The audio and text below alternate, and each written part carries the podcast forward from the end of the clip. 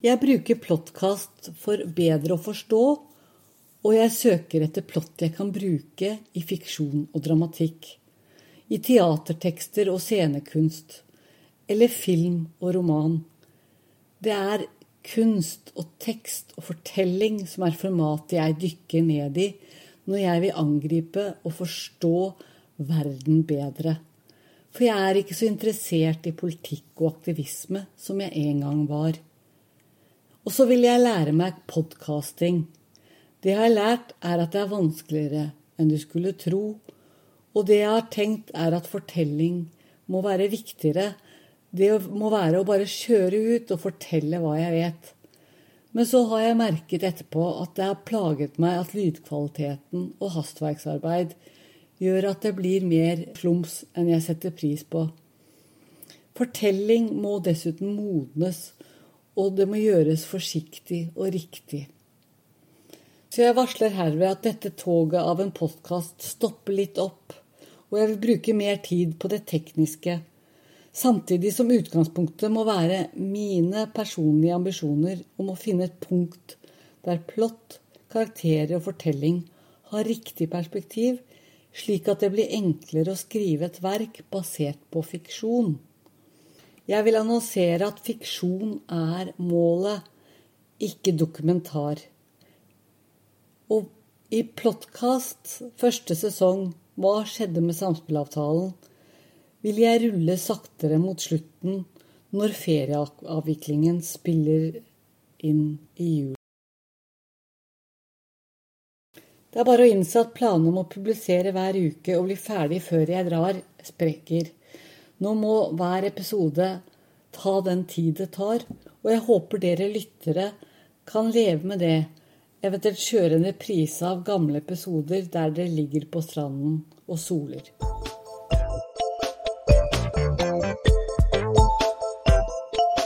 Mitt navn er Sylvia Johnsen, og jeg er en av mange tusen mennesker som bor på Tokerberget en del av bydel Stovner der livet består av mangfoldet som oppstår i samfunn der svært mange bor på et begrenset område.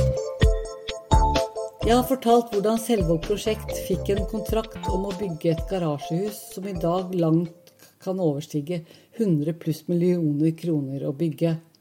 Styreleder i tre sameier signerte uten å gjøre en behovsvurdering, Trengte vi parkeringsplassene? Kunne vi klare oss med mindre? Hva med å rive hele greia og parkere på bakken? Og hvorfor var det ingen anbudsrunder med tilbud fra flere entreprenører? Kontrakten kalte de samspillavtalen når den beskriver et prosjekt som utelukker mye mer, og til tross for at det eksplisitt står i teksten at den stopper dersom det faller i årsmøtet, så blir den på mystisk vis likevel aktivert av tre advokater styreledere på Tokerberget som leverer falske protokoller og løgner for å skjule hva som skjedde i E-feltskomiteen. Jeg har fortalt om E-feltskomiteen, der styrene i tre sameier gjennom 50 år har koordinert beslutninger i et garasjehus de eier sammen på festetomten til Tokeråsen. Og hvordan de i to år plutselig kalte seg interimstyret for Tokerberget garasjesameie og oppførte seg som de allerede var en selvstendig juridisk enhet med fullmakt til å ta beslutninger i en entreprisekontrakt verdt millioner av kroner, og selvsagt fordi de lekte butikk med seksjonseiernes penger, tok seg klekkelig betalt for jobben. De brukte penger som fulle sjømenn, utredninger og tilstandsrapporter når de hadde en fersk i skuffen. Jeg har fortalt hvordan de betalte millioner på merkelige ting som å holde garasjen oppe i åtte ekstra måneder for å kjøpe seg tid, og når en advokatutredning de bestilte for å si to sameier kunne tvinge en tredje, slo feil fordi advokaten påpekte at interim garasjestyre var en prateklubb uten fullmakt til å bestemme noe som helst, eller ta beslutninger på vegne av de tre sameiene eierstyrene, da betalte de like godt for en ny advokatvurdering. Og hvem kommer egentlig på tanken å spørre om to sameier kan tvinge det tredje? Hva slags naboskap er det egentlig? Jeg har fortalt hvordan E-feltkomiteen, som kalte seg interim garasjestyre foran årsmøtene i 2020, tok beslutningen å kjøre på. De tok beslutningen om å rive og bygge nytt i to etasjer, selv om flertallet de påstår seg å representere, var å bygge garasjehus på tre etasjer. Styreleder i Tokrulia, Christian Engestad, hadde allerede finansieringsbeviset i boks når han påstod på årsmøtet 17.6.2020 at dersom seksjonseiere utøver sin demokratiske rett og stemmer nei, kan sameiet bli saksøkt. Når sannheten er at det er advokatene som står i fare for å måtte utløse styrets ansvarsforsikring. Det er det ingen av dem som vil, for forsikringsselskapet ser og vurderer hvor ansvaret begynner og slutter, og advokatene har gjort noen merkelige vurderinger. Så er det pengene. I to år har Engestad urettmessig tatt seg betalt flere hundre tusen kroner i hemmelighet når det er årsmøtet som skal vedta honorering fra felleskostnader. Jeg har fortalt at styreledere har iverksatt samspillavtalen, og straks det skjer, avslutter noen et pågående prosjekt før tiden. Styreleder Nadir Ali betaler nesten 700 000 kroner til Gjeldnes Consulting for arbeidet, men mottar ikke sluttrapporten sommeren 2019 og en rapport for omregulering av tomten. Jeg har fortalt at styreleder og forretningsfører i Obos eiendomsforvaltning fikk beskjed fra banken dagen før årsmøtet at de ikke ville få finansieringsbevis fordi gyldig dokumentasjon manglet. Kanskje det var en signert protokoll fra styreleder i Tokertoppen, Alf Erik Volden, som manglet? Kanskje det var andre ting. Møteleder på Rommet Scene signerte kanskje ikke protokollene slik eierseksjonsloven paragraf 53 forutsetter, eller det var problemer banken la merke til, som faktum at vedtaket de tre etasjene hadde blitt til to, og det var bare to sameier bak en kontrakt skrevet for alle tre. En protokoll fra kuppforsøket på Rommens scene, signert eller ikke signert, konkluderte i alle fall feil. Beslutningen i Tokeråsen om å skille ut tomt for det nye garasjesameiet og gi styret hjemmel til å opprette Tokerudberget garasjesameie falt i avstemning. Beslutningen krever enstemmighet, og tre advokater misset, selv om to av dem er spesialister på eiendom, at fem stemmer er nok til å velte flertallet. Jeg har fortalt om Stovner og hvordan landets rikeste tjener gode penger på vanlige folk, og flere av dem har lagt et grunnlag for formuen sin i vår bydel. Jeg har fortalt om Olav Selvåg som slo seg opp her og datterens eventyrlige gevinst på bryllupsgaven Stovner senter, landets største shoppingsenter når det ble bygget. Og jeg vil snakke mer om hva som er på spill. Hvorfor administrerende direktør Ivar Solvang, som skulle gå av med pensjon, er villig til å gå omveier når han har fyrtårnsprosjektet i sikte. For gjennom styreledere på Tokerberget og et tingrettslig sameie ser han muligheter i næring, der han kan snakke med fornuftige og grådige advokater framfor engasjerte beboere. Dette garasjehuset ligger et par minutter fra Stovner senter, sentralt, og det er tomt regulert for mulig utvikling i høyden. Planene for et større Stovner sentrum går rett gjennom nabolaget på Tobukrudberget. Jeg har fortalt hvordan Ivar Solvang og styreleder i Tokutoppen, Alf Erik Vollen, mister litt fatningen når drømmen og visjonen hans får en kilevink. Sameie de trodde var i boks. Tokerudtoppen stemmer nei. Ivar Solvang skriker til seksjonseiere på Tokerudtoppen at de vil angre, og lover at det skal bli dyrt for dem.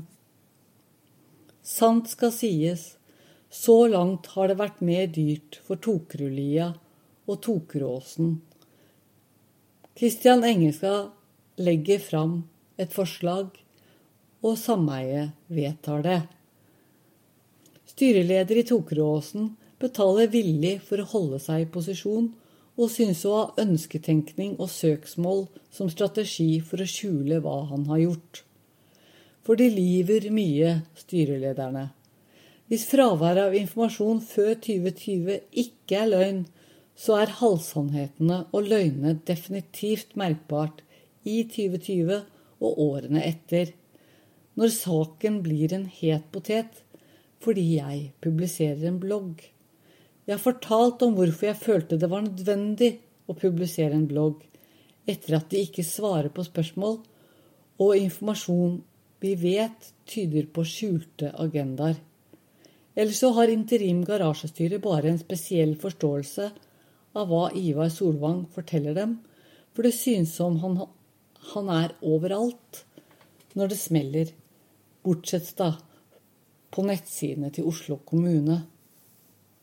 Jeg har fortalt om søknaden til Oslo kommune om å bygge et toetasjers garasjehus, til tross for at ingen sameier har stemt på det, og eierseksjonsloven er tydelig på at slike kostnader må vedtas på årsmøtet med to tredjedels flertall. Før leverandører kan hevde en kontrakt, må, års, må årsmøtet si ja. Og før de sender inn en bindende søknad om å bygge et hus til 55 millioner kroner, må entreprenøren ikke bare være sikker på at kontrakten er gyldig, for viktigst av alt, de må ha pengene til å betale for den. De må ha 55 millioner kroner. Og søknaden de signerte, er som bestillere der Ivar Solvang er totalleverandør eller prosjekterer. Det er hans søknad de leverer. Det er Selvåg prosjekt som har ansvar for kvaliteten i prosessene. Jeg har fortalt at to boligsameier har finansieringsbevis og godkjent lån på en tredjedel av 55 millioner, men de mangler fortsatt 18,3 millioner kroner. Du kan ikke gå i butikken og komme til kassa og si at 'jeg har ikke pengene, men det ordner seg', fordi broren min er hjemme og han vil ombestemme seg og komme for å betale sin del. Vurderingene til de to styrelederne på Tokeråsen og Tokerølia var kanskje at de har et flertall for å ta lån på 25 millioner kroner hver, og dersom de ikke blir tre til slutt, så mangler det jo bare fem millioner for å fullføre prosjektet alene. Er det slik at de spiller hasard med seksjonseiernes penger? Jeg har fortalt at flertallet var ikke å bygge garasjehus til 25 millioner kroner med bare to sameier. Kontrakten forutsatte tre sameier. Og det er ikke viktig for seksjonseierne at prosjektet ledes av Selvåg prosjekt. Hvorfor er det da så viktig for styreledere? De som stemte ja til alle punkter, stemte ikke på en kontrakt, men på et prosjekt. Og det prosjektet har i 2020 endret seg radikalt.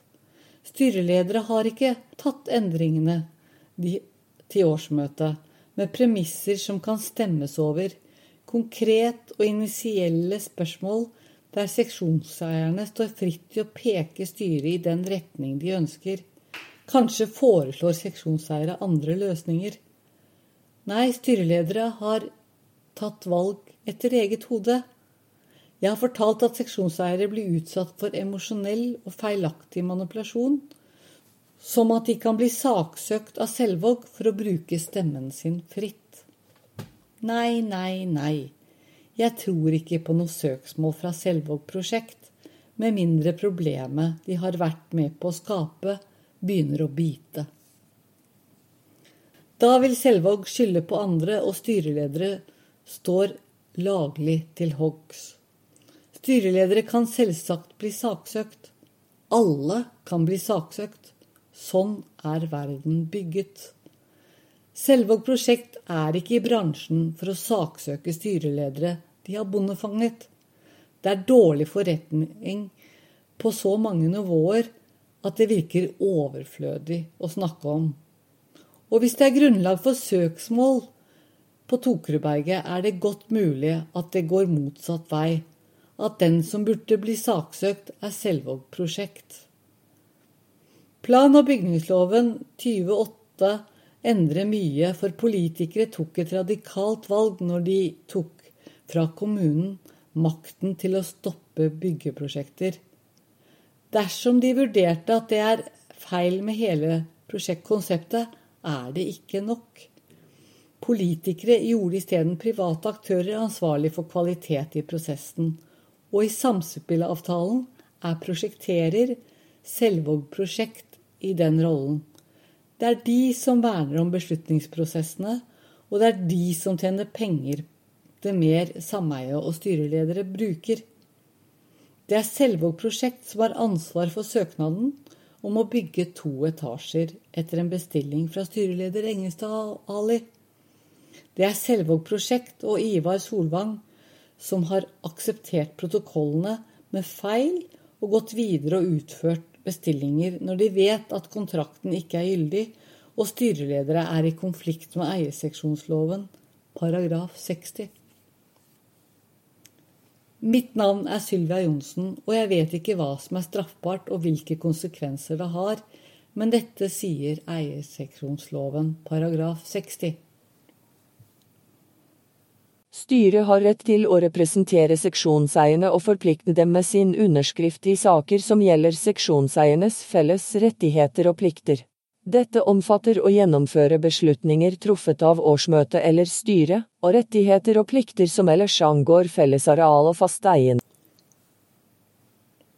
Styrets mandat er å ta vare på sameiets eiendom og representere seksjonseiere hva gjelder eiendom. Check. Styret kan også gjøre gjeldende krav seksjonseierne har mot utbyggeren dersom kravet knytter seg til mangler ved fellesarealene eller forsinket ferdigstillelse av disse. Dersom alle seksjonseierne uttrykkelig samtykker til det, kan det fastsettes i vedtektene at seksjonseierne forpliktes ved underskrift av to eller flere styremedlemmer i fellesskap. Styret snakker altså på vegne av oss i møte med utbyggere entreprenører og andre som gjør vedlikehold på eiendom. Check! Hva gjelder utbetalinger på fakturaer, er det ikke uvanlig at to styremedlemmer må signere for utbetaling fra vår konto. Det er for å hindre at ett styremedlem alene kan ta hele kassa og dra på kasino. Styrelederen kan saksøke og saksøkes med bindende virkning for alle seksjonseierne i saker som nevnt i første ledd første, annet og tredje punktum. Er det ikke valgt styreleder, kan ethvert styremedlem saksøkes med samme virkning. Styreleder representerer oss, og feil hen gjør som utgår fra beslutningen vi har tatt, kan han ikke bli saksøkt for. Og det binder seksjonseiere. Check. Betyr det at seksjonseiere på Tokerudberget, som aldri har vedtatt et toetasjes garasjehus bygget av to sameier, kan bli tvunget til å bygge for 100 pluss millioner kroner, er følgelig et spørsmål. Mitt navn er Sylvia Johnsen, og hva jeg er sikker på, er at ingen årsmøter på Tokerudberget har vedtatt å bygge to etasjer garasjehus, slik som det er søkt om i Oslo kommune. Har styret eller styremedlemmene overskredet sin myndighet, er avtale med tredjeperson ikke bindende for seksjonseierne dersom de kan godtgjøre at tredjepersonen innså eller burde innse at myndigheten ble overskredet, og det derfor ville være uredelig å påberope seg avtalen. Selvåg prosjekt må ha forstått at styreledere går utover sitt mandat, men det er skuespillet Ivar Solvang danser sommeren 2020 når han ringer meg fordi jeg har skrevet en blogg på offentlig informasjon som forstås problematisk. Og når jeg ringer Solvang etter å ha oppdaget søknaden Entreprenøren vil på ingen som helst måte erkjenne at han forstår at bestillingen er problematisk. Dersom han blir fortalt hva som står i full offentlighet på min blogg, nemlig at årsmøtet på Rommen scene ikke er gyldig, at uansett hvordan hvis du ser på spørsmålet, er samspillavtalen ikke gyldig fordi den falt i avstemning. Hvis Ivar Solvang eller styreledere innrømmer at de har forstått det, må de nemlig stoppe. Selvåg prosjekt kan ikke påberope seg kontrakten etter eierseksjonsloven paragraf 60. Check. Styreleder vil på ingen som helst måte innrømme at samspillavtalen ikke er gyldig. For da må de forklare sløsing og pengebruk ingen årsmøte har gitt dem mandat til. Og problematiske honorarer som i tilfelle Christian Engelstad overstiger en kvart million kroner. Hvordan skal han forklare det? Planen for å komme seg ut av knipa er sommeren 2020 å vedta et mindre bygg. Men det er ikke byggekostnadene som er dyre. De er dyre nok når ingen trenger et garasjehus. Det er vedtektene seksjonseierne i to sameier har stoppet. Det er de som er dyre. To sameier utgjør et flertall styreledere ikke lenger kan ignorere etter årsmøtet i Tokerudåsen 30.6.2020. Nettopp derfor er søknaden om å bygge nytt toetasjes garasjehus til Oslo kommune 3. juli et digert sjokk. Dersom prosjektet går inn i utførselsfase, vil det etter avtaleretten bli mye dyrere for styreledere å forlate avtalen, som vi jo alle sammen vet, og jeg sier vet, ikke er fullfinansiert. Jeg forstår hvorfor Ivar Solvang er opptatt av å få prosjektet inn i utførelsesfasen, for det betyr mer penger dersom alt går ad undas. Men fra seksjonseiernes perspektiv er det ingen scenarioer etter 30.6.2020 der styreledere handler, og husk, de skal representere seksjonseiere og forsvare våre interesser at de altså handler før søknaden kan umulig være i seksjonseiernes interesse. Hvorfor gjør de det? Engestad burde minimum være i tvil om de har handlet for et flertall, og som styreleder i Tokerølia og interim garasjestyre plikter de da å spørre seksjonseierne igjen, som han selv sier i podkast Lovlytt ha refleksjoner og tenk litt rundt dette om, et, eh, om en sak bør tas inn for årsmøtet i generalforsamling. Er man i tvil, ta den inn. Ivar Solvang har gitt et tilbud om hva det vil koste, og alle er enige om at de skal tvinge Tokrutoppen. Hvis det ikke skjer, vil ikke løgnen at de har et flertall fungere. Tokrutoppens nye styreleder kan protestere så mye han vil, men etter sameieloven er 50% to mot én i et flertall, og styreledere sier jo at de har et flertall.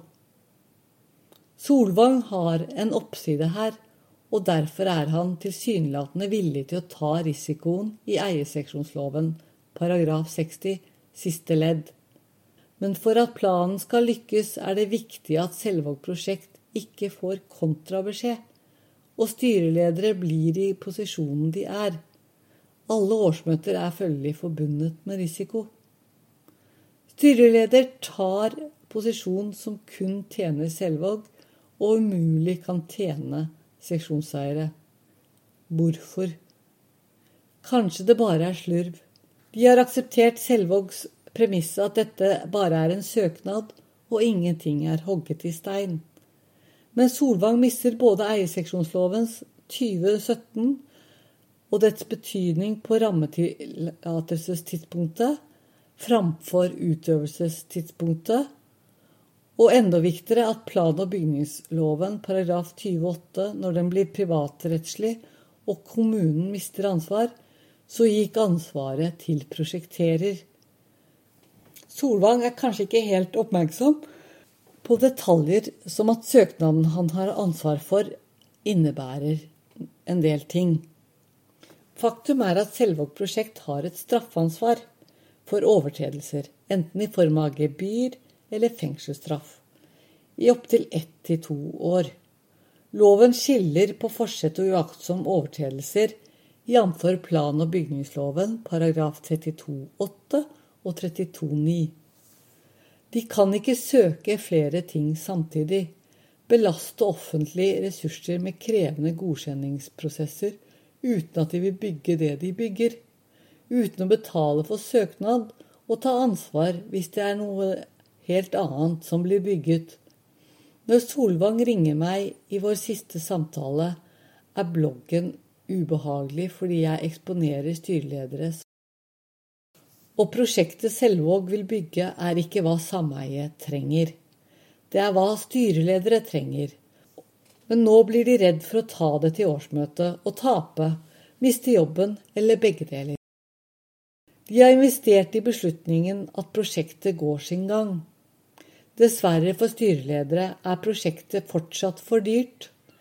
Og jeg er ergende sint fordi de behandler sameiedemokratiet respektløst.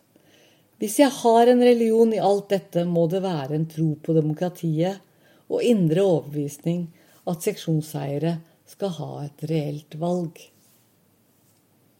Når Ivar Solvang ringer meg har sommeren ikke gått som den hadde planlagt.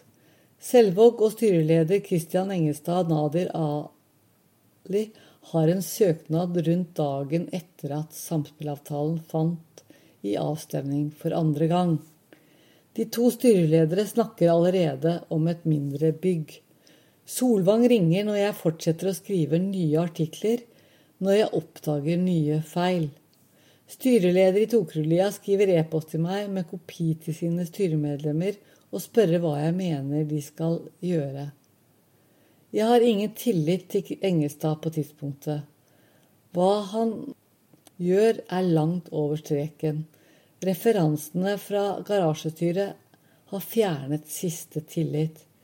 Jeg svarer tilbake med forakt, for advokater som meler sin egen kake, er ikke noe jeg respekterer. Det er styret i Tokerudlia som må sette ham på plass, ikke meg. Han triumferer og svarer at det var som han tenkte, jeg har ingen svar, jeg bare kritiserer. To dager senere skriver jeg en artikkel om reguleringsplaner og peker på den nyeste sameiet i nabolaget, Fossumhagen nedenfor Tokerudberget, som har en dispensasjon fra reguleringsplan på 0,91 og med tilsvarende vil det ikke være nødvendig med nytt garasjehus. Vi kan parkere på bakken. Planen vi hadde før selve prosjekt, blander seg inn. Engestad finner nok bloggen ubehagelig, for jeg kan tenke meg at han og Tokrolias andre representant i interim garasjestyre, Rolf Krogh, ikke har snakket altfor mye om hva de holder på med i eget styre. Eksempel vedtar de honorar til seg selv, penger utover vanlig styrehonorar. På samme måte bør de åpenbart ikke snakke veldig dypt om reguleringsplaner. Det virker som de har akseptert fagekspertisen. Jeg biter merke i at Ivar Solvang insisterer på å vite alt om reguleringsplaner. Han vet hvilke dispensasjoner som er mulig. Han mener å vite hva kommunen vil si, når jeg har holdningen at du kan aldri vite om du får en dispensasjon uten å søke. Faktum er at reguleringsplaner for parkeringsplasser fra 1960 har krympet, og kan sameie bygge for færre biler, er det ikke nødvendigvis å erstatte bygget som er førsteprioritert. Har jeg forstått det riktig? Tomten er stor. Hvor mye færre biler sameiet kan slippe unna med i en dispensasjon, er i høyeste grad uinteressant. Og det synes ikke å ha vært grundig diskutert på fritt grunnlag internt i interim garasjestyre. Og reguleringsplaner er eneste begrunnelse for å bygge et garasjehus. Jeg vet ikke noe om noen har tenkt over faktum at MDG er i byråd. Utover sommeren fremgår det for styreledere at de vil søke lavere parkeringsnorm og det går en stund fra de begynner å snakke om det, til søknaden faktisk blir sendt. For det også må avklares med Selvåg. Jeg vil snakke om det senere. Engestad holdt interim garasjestyre med søsteren min Vivian som offerlam, og der holder han skuespillet for henne og de andre i styret. De vedtar å holde på søknaden om to etasjer i Oslo kommune, og samtidig vil de søke om et mindre bygg. Begge deler, to motstridende garasjehus og definitivt i konflikt med regler for plan- og bygningsloven. Dette møtet avslører Kristian Ingestad, partner i Brekkhus på eiendom, som skal være spesialist i eiendom. For han har åpenbart ikke klart for seg detaljer i plan- og bygningsloven. Han har naivt fulgt Ivar Solvangs ledelse altfor lenge, i godt og vel over to år. Søsteren min får aldri referatet fra det interim garasjestyret 11.8.2020 som hun deltok i. For dersom de produserer dette referatet, ja, dokumenterer hva entreprenøren hadde sagt til dem, så avslører det egentlig vanskelighetene når de hevder at alt har gått riktig for seg. Til referat med byggherre Selvåg prosjekt 1.9.2020, bare to uker før Vivian, min søster, må gå fra styret, fortsetter farsen. Hun noterer flere feil i referatet. Hun kommer med korreksjoner, som at Rolf Krogh er der for Tokråsen, når pensjonisten og tidligere styreleder er der fra Tokerølia. Entreprenør forklarer hvorfor de søkte om 1,25 parkeringsnorm, som var en underdekning på 158 biler. Og på spørsmålet hun stiller i punkt 4 om hvilken fase prosjektet er i, får hun aldri svar i møtet, men referatet viser utførselsfasen. Og entreprenøren balanserer mellom deres administrerende direktør Ivar Solvangs blødmer og lovens strenge krav til presisjon i gjeldende fase. Styreleder forsøker sommeren 2020 å selge inn et mindre prosjekt enn hva de har søkt om uker i forveien. De har lest et dokument fra arkitekten som snakker om at det er mulig med lavere parkeringsnorm. Når styreledere til slutt får av gårde en søknad om, på høsten og ber om dispensasjon på 1,07 parkeringsnorm, er det mot Selvåg og Solvangs klare advarsler. Men styreledere insisterer og til alles overraskelse, bortsett fra meg, så går søknaden gjennom. Du må gjerne spørre hvorfor søke om 1,07 i parkeringsnorm, for det gjør jeg. Hvorfor ikke 0,91, som nabosameiet Fossumhagen fikk innvilget i samme periode? Men 1,06 eller 1,07 i parkeringsnorm må bety 6-9 biler på taket. Det er følgelig nødvendig med tak. Det gir nok plass til å parkere uten bygning, som helt klart vil være mye billigere enn å bygge over to plan. Så Oslo kommune gir dispensasjon tross hva Ivar Solvang har sagt. Styreledere skryter av det, men estimat og kostnaden på huset sier de ingenting om, fordi det er like dyrt. Styreledere forteller ikke seksjonseiere at lavere parkeringsnorm på 1,07 er akkurat så dårlig at det endrer ingenting. Byggemassen er like stor, det er fortsatt et bygg over to plan, og det koster minst 55 millioner kroner å bygge. Lavere parkeringsnorm er den eneste endringen. At det er mulig å ha færre parkeringsplasser i bygget. Færre parkeringsplasser som har en inntekt. Kostnaden for å bygge selve bygningen er det samme. Inntektene er lavere, og uansett hvordan du snur og vender på det, gjør dispensasjonen som tillater lekeplass på taket, dette til verdens dyreste lekeplass. Artikler på bloggen skaper problemer for styreledere, for deres eneste vei ut er å gjennomføre prosjektet, og det kan være vanskelig når Tokerudtoppen har sagt nei du blir aldri lurt av en ubehagelig person. Ivar Solvang er en selger. Han er administrerende direktør i Selvåg prosjekt, som ansatte i Oslo kaller konsernets søppelkasse. Han er en hyggelig fyr som blir pensjonist, og når han ringer i vår siste samtale, har han formelt overrekt jobben til etterfølgeren.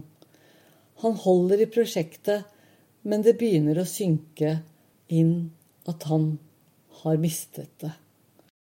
Selvåg prosjekt er ikke i business for å saksøke styreledere, de er bondefanget. Det er dårlig for businessen å bondefange. Selvåg prosjekt vil saksøke sameier, og da må de ha det på sitt tørre i forhold til eierseksjonsloven paragraf 60. Verken Ivar Solvang, Engestad Ali er villige til å erkjenne at avtalen ikke er gyldig av ulike grunner, eller de simpelthen har tro på at garasjehuset er en god investering. De er bundet til hverandre i et skuespill. De lyver for seksjonseiere, eller de lyver for hverandre, eller begge deler. Vår tredje samtale starter Ivar Solvang forsiktig. Han sier han sa når jeg ringte og utfordret han på å drive et prosjekt som manglet finansiering og gyldig vedtak, at styreledere bestemte dette. De var advokater alle sammen, og han gikk god for dem. Nå hadde han blitt klar over, fortsatte han å si, at styreledere hadde fortalt veldig lite til sameiet. Og kommunikasjon er viktig. I en pause slapp jeg Ja, i et prosjekt er kommunikasjon alt.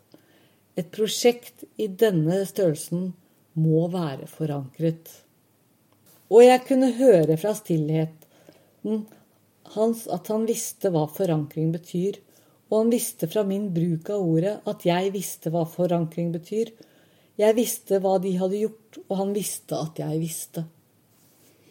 De ville forsøke å forankre i ettertid, og med mine nettsider var det ikke mulig å innbille 633 seksjonseiere at de må stemme på en kontrakt om å bygge to etasjers garasjehus, slik som Engestad fikk årsmøtet til å vedta vedtekter med trusler og omskrivninger av en sannhet. Den slags kan gå i et årsmøte, men ikke alle tre.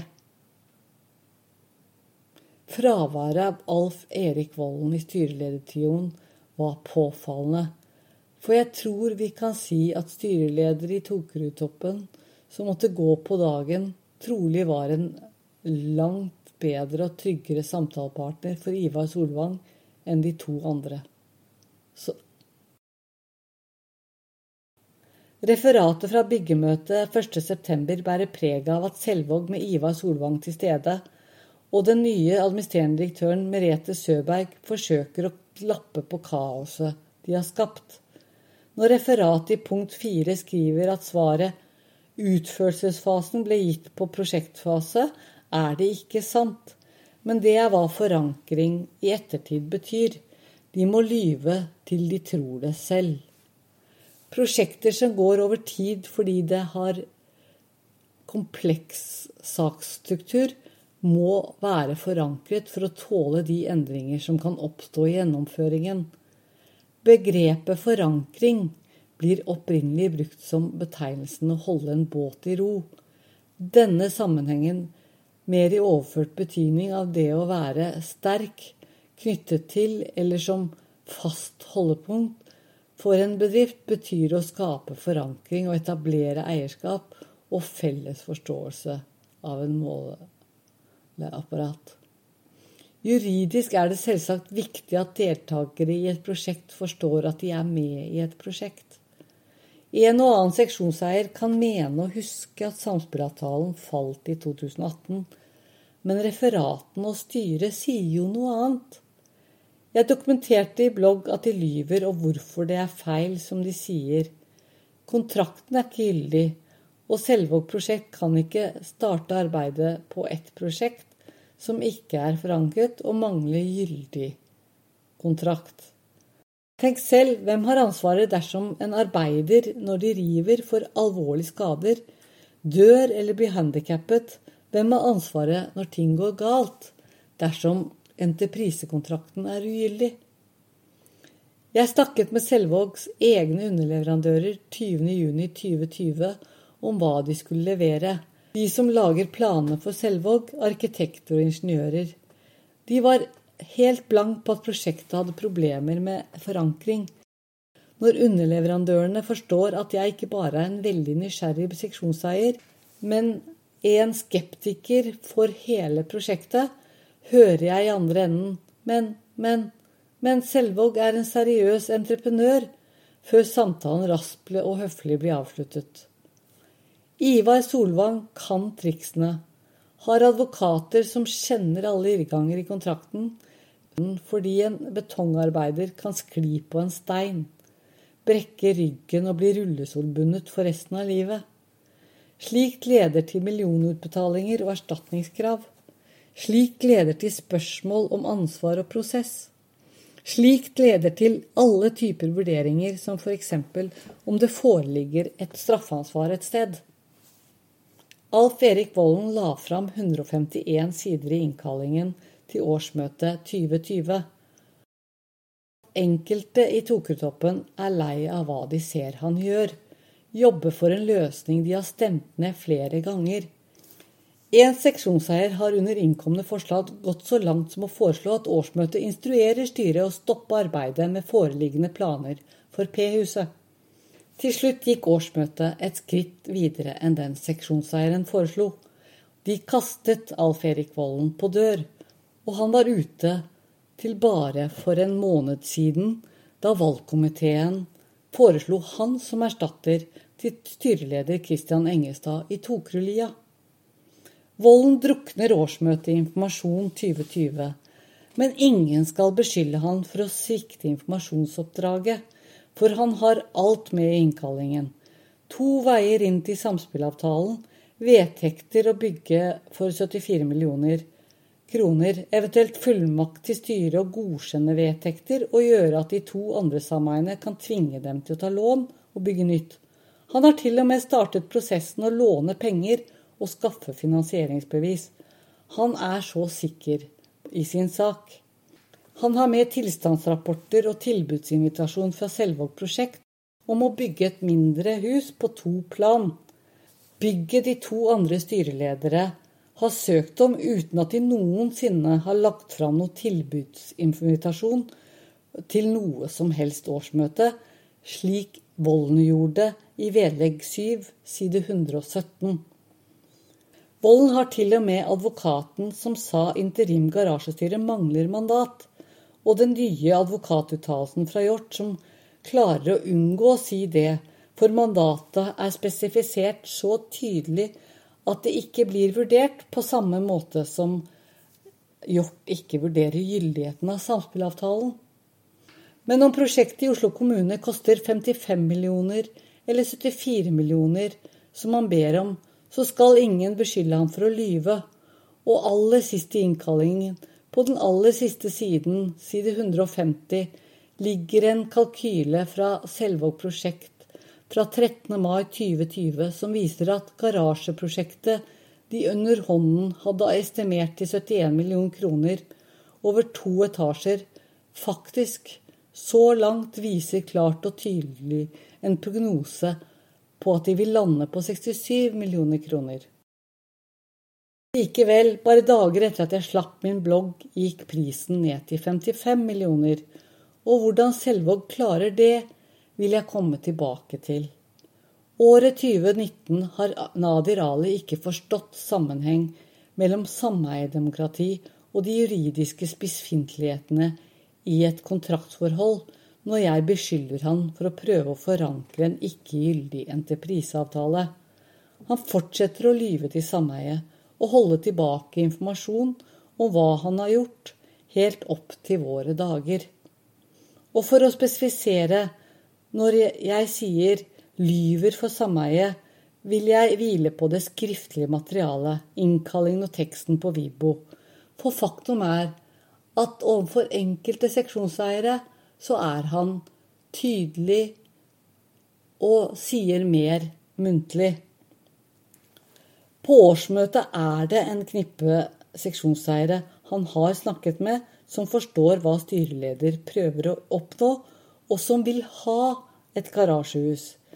Det er i det skriftlige svaret som bærer preg av at han dekker over hva som faktisk skjer informasjonen som går til alle seksjonseierne, også de ja, nesten 80% som ikke møter på årsmøtet til vanlig. Nader Ali synes ikke å ha forstått et viktig poeng som Volden forstår. Og det er at du kan ikke forankre og binde seksjonseiere til et prosjekt de aldri har stemt over, og lyve for å få det til. Lyver du til seksjonseiere, eventuelt forteller halvsannheter som de facto er hele løgner, kan de heller ikke forankre noe som helst. For det er å føre de som betaler bak lyset, og det balanserer farlig nære humbug og bløff. Ali fortsetter å lyve til sameiet og holde tilbake informasjon om hva han har gjort, helt opp til våre dager. Først i årsmøtet 24.4.2023 forteller styret og styreleder til årsmøtet at det stemmer. De har en søknad i Oslo kommune på et toetasjers garasjehus. Og dette står ikke i beretningen fra styret, som er hva årsmøtet tar til etterretning, og som blir sendt inn til foretaksregisteret.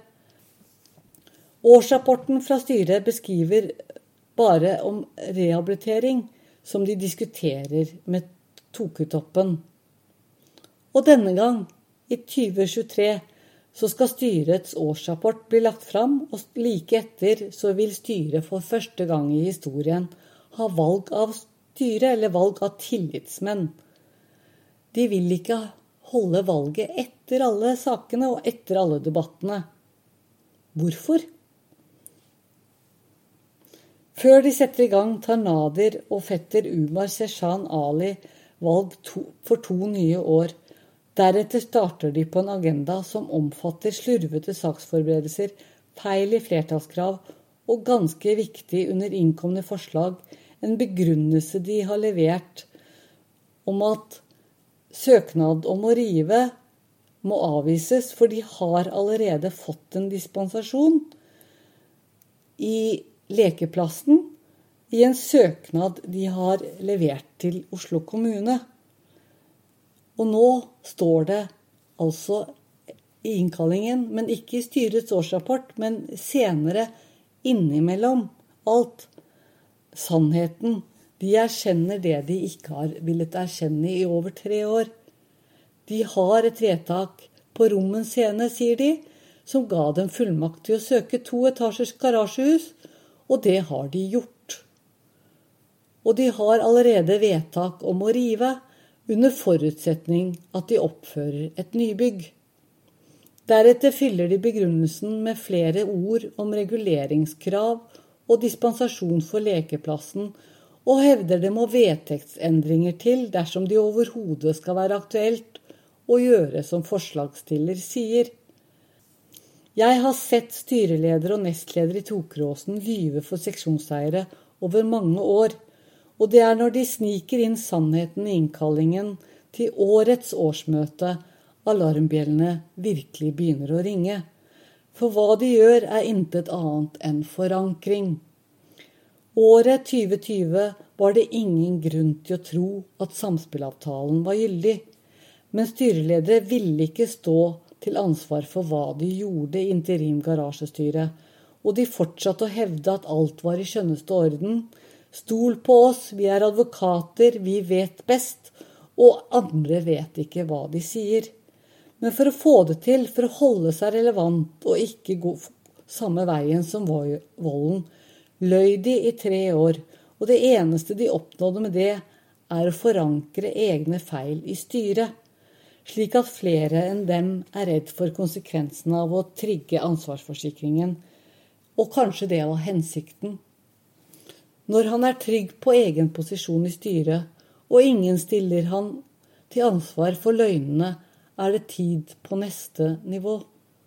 Han må forankre løgnene sine i sameie, og teksten foran årsmøtet 24.4.2023 gjør et forsøk på å kombinere halvsannheter i styrets årsrapport, der de snakker om rehabilitering og hva som skjer nå, med historieskriving i styrets innstilling på innkomne forslag, sist i agendaen.